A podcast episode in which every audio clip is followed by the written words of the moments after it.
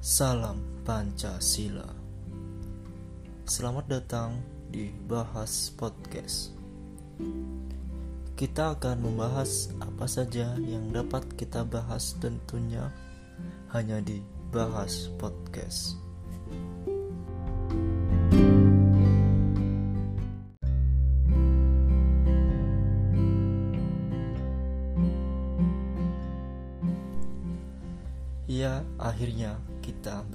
Lagi di episode kali ini.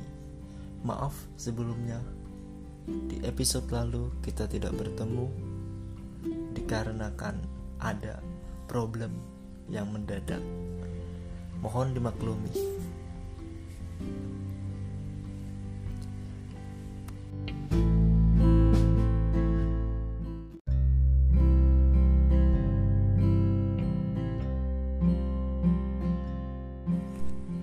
Oke, teman-teman.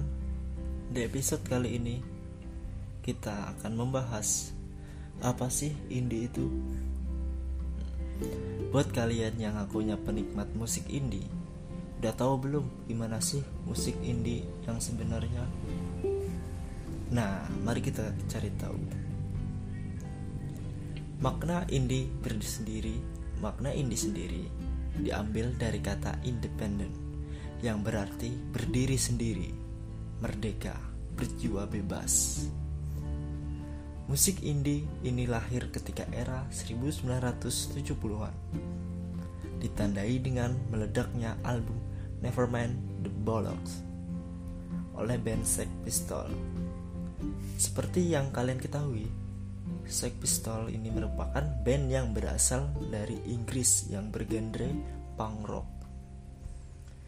Dengan rilisnya album tersebut, para musisi underground asal Inggris menganggap Sex Pistol sudah membuat citra punk rusak karena lagunya yang terlalu pop. Karena itu, para musisi underground mulai mengolah referensi dari genre musik yang lunak seperti folk, soul, pop. Sex Pistol ternyata punya maksud balik album tersebut mereka ingin mengubah pola dominan dari genre punk. Secara nggak langsung, mereka menunjukkan sebuah bentuk pemberontakan dengan musik punk yang identik dengan sikap brutal, makyo, cadas, dan gahar. Lalu bagaimana musik indie di Indonesia? Nah, musik indie di Indonesia terdiri ditandai oleh meroketnya band asal Bandung, Pure Saturday pada tahun 1994 yang benar-benar menerapkan konsep independen. Mereka sukses memproduksi 5000 kuping yang pemasarannya melalui mail order majalah remaja. Kian tahun kian menjamur band band indie di Indonesia. Mulai dari The Adams, The Sigit, Moka, dan lain-lainnya. Tapi ada satu permasalahan dengan band indie, yaitu mereka terlalu mengejar popularitas dan mengikuti pasar.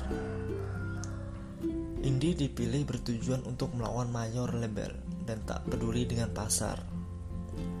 Mereka lebih mementingkan untuk berkarya dan tak peduli dengan permintaan pasar maupun label. Satu hal lagi, popularitas juga menjadi salah satu musuh bagi sebuah band indie.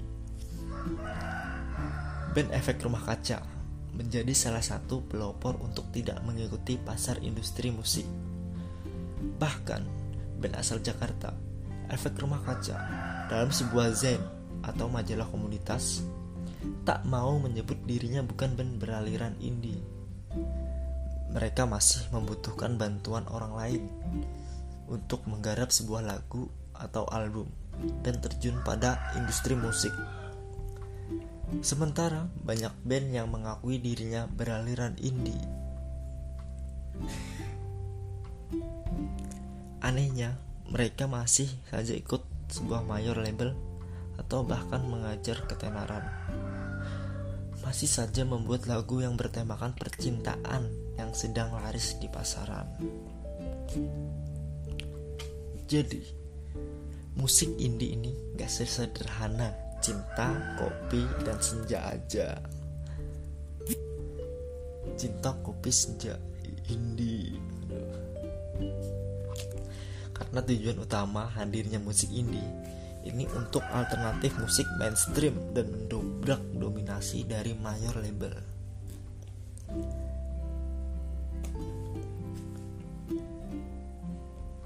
Saya mengkritisi anak indie yang tidak tahu arti arti dari musik indie ada salah satu orang sebut saja Bono.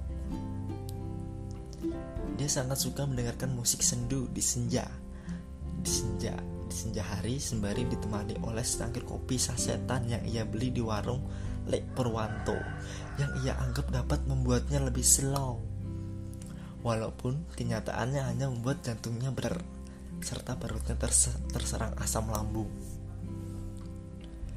Ke mana-mana, Bono selalu memakai outfit berupa kaos oblong, celana jeans, serta tidak lupa sepatu Converse KW dan tote bag yang membuatnya merasa sangat indie. Bono menjalani hidup dengan sangat santai. Setiap masalah ia biarkan mengalir sampai ketemu sendiri solusinya bagaimana sembari membaca quotes-quotes cinta dengan latar belakang keadaan sore hari keoren-orenan alias senja. Bono menganggap dirinya sebagai anak yang indie sekali. Sekarang ini banyak yang mengaku sebagai anak indie seperti Bono. Ya sebut saja Bono. Karena orang tersebut menyukai dan mengikuti perkembangan musik indie katanya. Padahal playlistnya itu itu aja. Mereka menganggap dirinya anti mainstream, lebih superior dan berani melawan pasar karena mereka indie. Jadi begini ya, orang-orang yang mengaku sebagai anak indie, musik folk indie yang kalian dengar mungkin memang musik indie, tapi indie sebenarnya bukan tentang lagu folk sendu, kopi dan senja seperti menurut keyakinan kalian selama ini. Ya, tapi nggak apa-apa, nggak apa-apa sih. Kalau kalian yakinnya seperti itu, walaupun sebenarnya sesat. Indie itu bukan genre atau kategori. Namun indie itu adalah label rekaman. Sekali lagi saya tekankan, indie adalah tentang label rekaman. Label rekaman. Dikutip dari tweetnya Frisa Besari yang merupakan pelaku yang menggeluti langsung karya-karya indie. Indie berasal dari kata independen, bukan independence, apalagi indie rakri. Itu berarti musikus indie tidak terikat label pasar dan melakukan banyak kegiatan dalam dunia musik secara mandiri, distribusi, konser, marketing, dan sebagainya. Ini langsung dari pelakunya. Hai anak indie, jadi kalau lu bilang pengertiannya salah, sok tahu berarti lu sok tahu. Masih menurut tweet Versa Besari nih. Menurutnya, ada beberapa alasan seorang musisi lebih memilih berkarya dengan jalan indie. Pertama, kebebasan berekspresi. Menurutnya, label besar memiliki pakem untuk tetap mengikuti selera pasar, pula menghasilkan uang banyak. Dan ini tidak salah, karena toh ada banyak pegawai yang mesti diberi makan. Tapi pakem ini yang pada akhirnya mengekang musikus. Maka dari itu, jalur indie hadir sebagai alternatif. Di jalur indie, perjuangan para musikus untuk dikenal masyarakat luas terasa lebih berat tapi justru itu daya tariknya. Karena seperti kata Pram, berbahagialah dia yang makan dari keringatnya sendiri, bersuka karena usahanya sendiri, dan maju karena pengalamannya sendiri. Mungkin bagimu, ini hanyalah kopi senja, hipster snob tai anjing. Senja-senja tai anjing.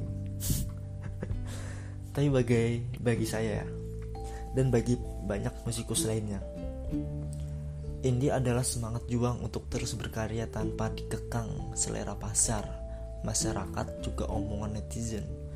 Salam hangat, tetap bergerak. Ujar Mas Versa Bersari, yang belum lama ini baru nikah.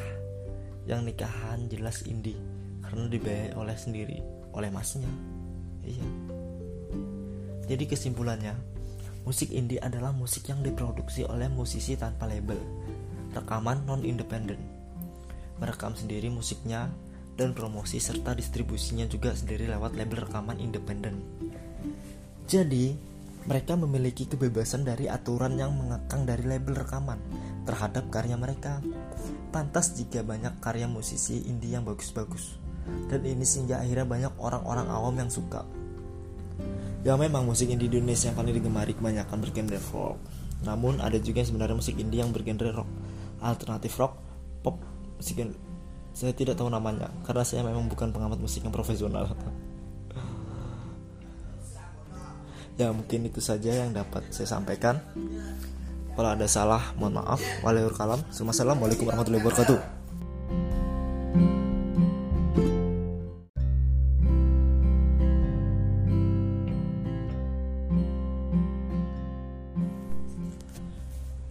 Oke, okay, mungkin cukup di sini dulu pembahasan kita pada kali ini.